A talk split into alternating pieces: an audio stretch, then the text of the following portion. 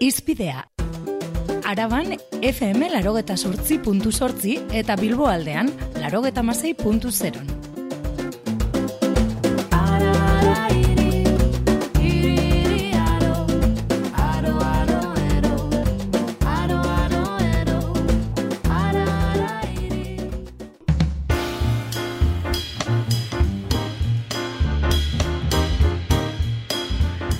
Pasaden aste bukaeran Bilbon jasotako bi gertakari eta malgarrien berri izan genuen. Lehenik aste bukaeran e, jakin genuen diskriminazio kasu bat eman zela Bilboko taberna batean. Ostegun gauean bi emakume taberna batetik irtetera gonbidatu zituzten beraien artean musika, musukatzen ari zirelako. Gero hau salatzeko, ba, bueno, bolo bolo sare sozialen bitartez e, zabaldu zen albistea eta hori salatzeko ba, elkarre taratzea izan zen taberna aurrean. Eta bestetik asteburuan neskak e, Bilboko iturribide kalean aurkitzen ziren bi neska musikatzen ari zirela, ba e, erasotuak izan ziren. Hau dena, ba bi gertakari larri hauek salatu egin ditu Euskadiko Gazteriaren kontseiluak eta horren inguruan sakonduko dugu norma ageitos dekogu telefonoaren bestaldean berdintasun arduraduna dugu Euskadiko Gazteria kontseiluan egunon norma Bueno, gertakari e, latz hauen aurrean, basuek ere plazara atera nahi izan duzue, eta e, indarkeria hau ere salatu egin nahi izan duzue. Bai, e, izan ere, badiraia da, iru jabete lanean gabiltzala, ba, bueno, salaketa publikorako protokolo hauekin, bata indarkeria matxistaren aurrean dara erabiltzen duguna, eta bestea da indarkeria LGTBI plus fobikoarena. Kasu honetan aktibatu deguna eta salaketa publikoa burutzeko erabili deguna. Agian oraindik ere e, eraso lesbofon aurrean ez da gizarteak ez du horren erantzun handia ematen edo nola ikusten duzu ezuek, nola baloratzen duzu bueno, eskakizun batzuk egiten dituzue ikerketa sakon bat ere egin behar dela e, jakiteko, ez, zenbat indarkerik kasu ematen diren onelakoak Bai, tira, alde batetik nik uste positiboki balora dezakegula bazuek e, aipatzen zenuten elkarretaratze hori, nahiko jendetsua izan zela, eta gainera kasua ere nahiko ezaguna egin da. Egia da, gero, e, astebukaeran bukatutakoak ez duela hainbeste, hainbeste nola baiteko e, edapena jasan, eta horregatikan ere interesgarria aurkitzen dugu esaten zenuna, ez? Zeren gaur egun e, ikusten dugun egoera da estatu mailako LGTBI ikuspe e, behatoki bat badagoela, baina ez daukagula Euskadi mailan horrelakorik eta horrek eragiten du hasteko ez daukagula e, gertakarien ezagutza sakon bat, ba bertako ikerketak ere ez direlako egiten. Bai, ez, eh, aipatzen duzu edatu bat 2015koa da. Eh, sexu identitatea edo orientazioa gaitik eta zazpierazu egin ziren eh, Euskal Autonomia Erkidegoan. Datu falta dagoela eta eh, bueno, eh, behatuki bat egon beharko litzateke guzti honen inkerketa eh, egiteko, ez? Bai, eta gainera, eh, guri gehien arduratzen diguna da gazteriaren kontseilu gisa azkenean estatu mailan lortu lortu den e, datu honek ere ez digula adina erakusten. Hortaz badaukagu errealitate bat guztiz ez ezaguna dena dela zer gertatzen den Euskadiko gazteriarekin LGTBI fobiaren inguruan hau da zer bizi duten eta ez bakarrik zeintzuk diren eraso zuzenak, baizik eta egunerokotasunean perzibitzen dituzten diskriminazio goera desberdinen desberdinei buruzko informazioa ere falta zaigula. Eta beste behin gogora ekartzen duzue, diskriminazio mota hau ere strukturala dela, ez? Bai, ze azken baten e, lehenago aipatzen dituen bi protokolo direla eta biak e, atera ditugu berdintasun arloko protokolo gisa. Azkenean, indarkeria honen atzean aurkitzen dena da, e, indarkeria matxistaren atzean aurkitzen dugu matxismo eta sexismo berdina. Zeren azkenean da, emakume eta gizon izateko era bakarra ontzat ematea eta era hauek era hau zalantzan jartzen duten emakume eta gizonezko izateko era guztien aurkako erasoak burutzea.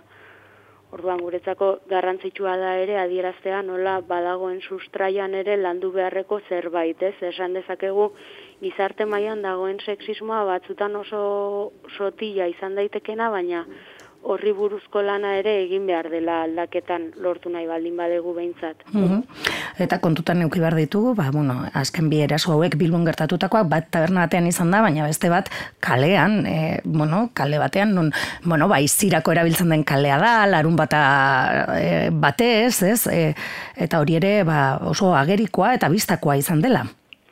Bai, gainera, ba, tira, e, indarkeria matxistaren kasuan ere oso egoera desberdinak ikusi ditugu da honetan zehar, baina bai egia dela e, LGTBI plus fobikoa izan den indarkeria eren aurkako salaketa protokoloak ateratzerakoan beti oso begibiztako erasoak izan dira. Mm Gainera, lehenengo aldiz aktibatu genuenean ere izan zen e, ekainako beta zortziko manifestazioan bertan, orduan, horrek ere nola baita adierazten du badirudiela e, impunitate gehiago edo dutela delitu hauek, zeren azkenan ez dira delitua ez beste ezer, eta nahiko kezkagarria da ikustea, ba, bueno, badirudiela erasoa burutzen duen pertsonak nola baiteko permisibitate hartzen duela edo pentsatzen duela norbaitek hori ontzat joko duela edo ez duela ez ere egingo hori bukatzeko.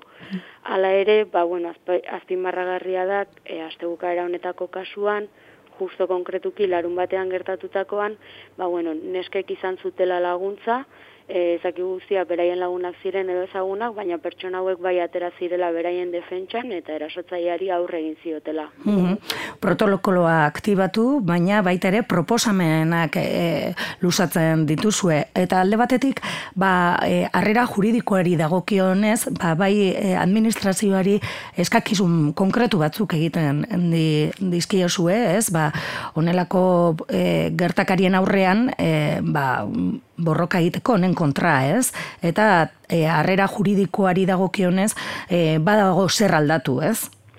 Bai, alde batetik, bai beti esaten dugula, biktimek beharrezko dutela nolabaiteko e, gertutasun bat agertzea momentu horretan, eta gainera biktima ere berriz ber biktimizatze hori ekiditea. Zeren batzutan harrera ez da izaten e, behar besteko ba, ulerkotasunetikan. Batzutan jendeak e, gehiagi epaitzen du hasieratikan delitu horiek beste testu inguru batzutan ematen ez denean.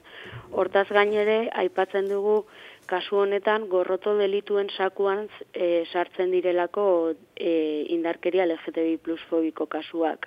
Alegia ezago delitu konkretu bat, eta gorroto delituen artean hainbeste mota daude, mm -hmm. ba, beharrezkotzat ikusten degula ere, bertan e, sartzen diren delitu mota bakoitzaren e, egoera eta testu inguru azertzea, hobeto egokitzen diren neurriak hartu izateko. Mm legearen eraldaketa ere, ez? E, egongo litzateke horren atzean, ez? Delitu hoiek e, ba, beste mota bateko delituak izateko. Bai, hori da, e, esaten nuena, ba, orain momentuan, gorroto delitu gisa ikusten dira, baina gorroto delituak izan daitezke ere erlijioagatik, mm -hmm. jatorriagatik, etniagatik, orduan, naiz eta garrantzitsua den, beste delitu eta beste e, indarkeri fizikotatik desberdintzea oraindik ere e, kasu desberdin asko mm, lege berdinaren barruan ematen direla ikusten dugu. Orduan baloratu beharko litzatekela ia hori benetan ezote den ba, gorroto delituen barruan dauden mm, delitu mota desberdinak nolabait e, beraien ikusgarritasunaren aurkako zerbait. Mm Prebentzioa litzateke eta eskuntzatik hasita ez, eta gazte, gaztetik hasita prebentzioa litzateke e, e, bueno, balan egiteko esparru bat ez? Bai, zeren gainera gaur egun naiz eta lege desberdinetan bai aipatzen den, bai genero eta bai sexuan iztazunean ez hitzeko zeharkakotasuna gorde behar dela, ikusten dugu oraindik ere falta dela eta eraldaketa nahikotxo egiteko dauda. Adibidez, e, ezkuntzan ematen diren esku hartzeak normalean oso motxak izaten dira, batzuetan adin, tarte batzuei bakarrikan bideratzen dira, beste kasu batzutan gainera, hezkuntza sistemak berak ez du bere e, edukien berrikusketa bat egiten, eta beharrezkoa da, ba, berdintasunaren, edo emakume eta gizonezkoen arteko berdintasunaren arloan egiten den berrikusketa ere, kasu honetan egitea. Eta suposatzen dugu ere eskuntzan gaztetxoen artean ere izango dela LGTBI kolektiboko e, e, pertsonak eta egongo direla hor ere eraso txikiagoak edo ez dakit beste maila batekoak baina erasoak ere. momentu honetan, ba, lehen hasieran esaten genuen bezala ez, tamalgarria da, baina oraindik ez daukagu behatoki edo ikerketa sakonik e, datu gutxi batzuk lortzeko, baina nik uste gure bai gure iraganeko institutu, institutu eta eskoletan pentsatuta, edo gure inguruko gazten e, ezkuntza zentroi begira bai ezagutzen ditugula egoerak eta gainera naiz eta batzuetan ez diren e, eraso fisikoak izatera iristen bai posible dela e, eraso oso mingarriak izatea eta gainera egunero egunero jasan behar den egoera bat izatea. Orduan norbanakoaren ongizatean ere mm-hmm. inpaktu oso handia izan dezake. E, suposatzen dut e, protokoloak eta horrelakoak lantzerak orduan Euskadiko gazteria kontzeiutik LGTBI kolektiboarekin ere e, ba, e, lanean diar duzuela. Bai, hori da, kasu honetan, berdintasun lanarloaren barruan, badaukagu gaur zortzi lantaldea, gaur bertan arratsaldean e, uda usteko lehengo bilera izango duguna, eta bertan daude bai berdintasun eta bai LGTBI kolektibotako pertsonak izan daitezke bai elkartetatik datozelako edo titulo pertsonalean interesa dutelako. Eta adibidez protokolo hauek beraiekin elkarrizketan eta beraiekin hitz egiten eraiki dira. Hau da, gazteak beraiek izan dira e, eskaerak diseinatu dituztenak mm. eta proposamenak luzatu dituztenak. Beraz, e, e, sektore horretatik behar beharrezkoa ere ikusten dute, ez? Horrelako behatoki bat sortzea, e, bueno, ba indarkeri mota hau eta eraso mota hauek e, ikustaraztea oso garrantzitsua izango da, ez? Komunikaien bitartez eta ere gizarteak jakin dezan zer gertatzen ari den.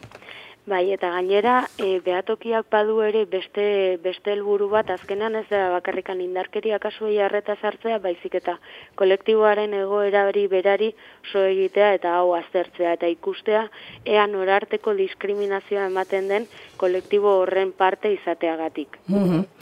Nahi, ez? Bakarrik e, horregaitik, ez?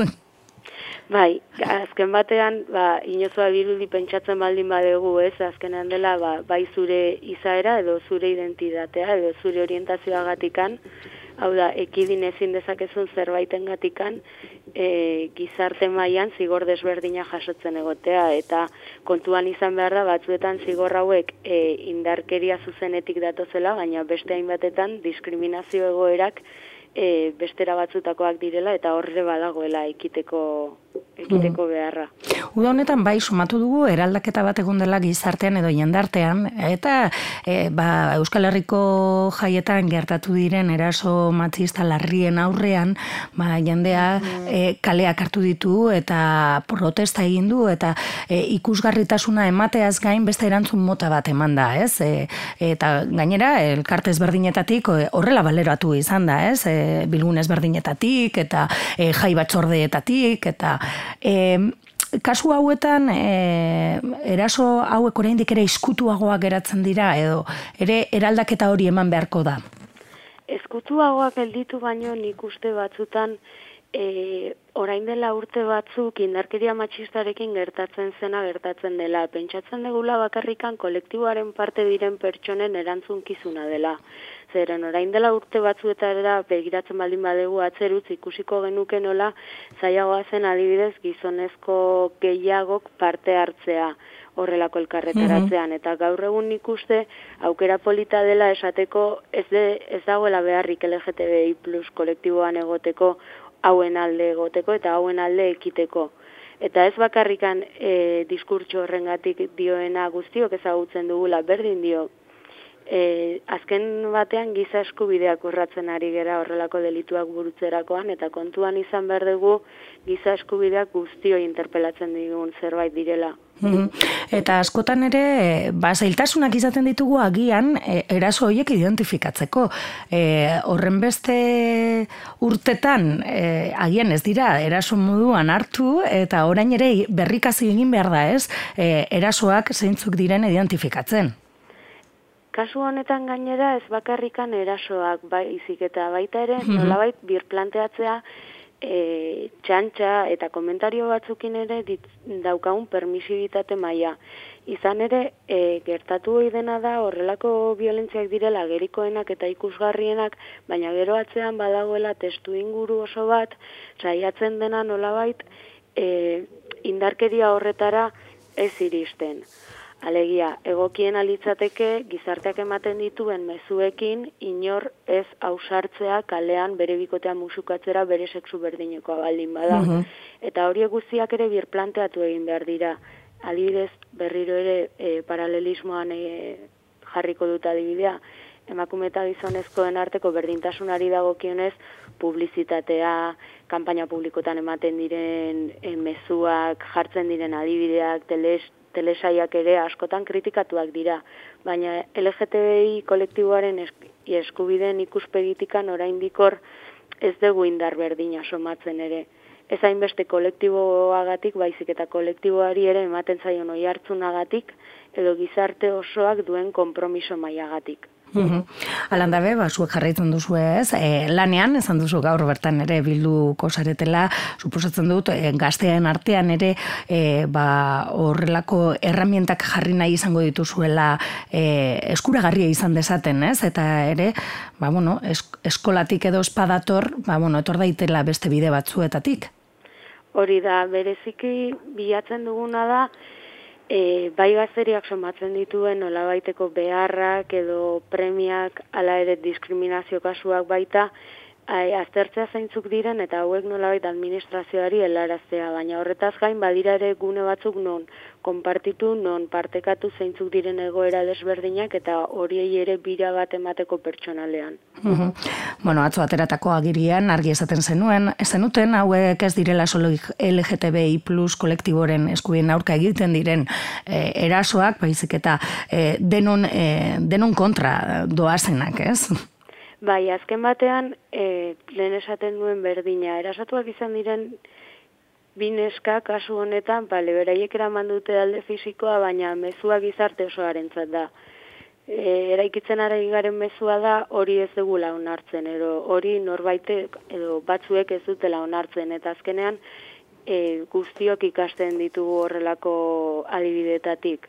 Mm Ez da bakarrik e, momentu batean pertsona bate jasaten duna, baizik eta nolabait beste guztiei ere erakutsi nahi diena zer dagoen ondo eta zer dagoen gaizki. Orduan horren aurrean guztien eskubide eta askatasunaren aurkako eraso bat ere kontsidera daiteke. Mm Bilbon gertatu da, baina gertatu ziteken beste Euskal Herriko edo zein iritan. Ba, norma gehitos e, Euskadiko gazteria kontzaiuko berdintasun arduraduna eskerrik asko gaur gurean egon izanagaitik zuei deitzagatik. Bai, agur. Bueno.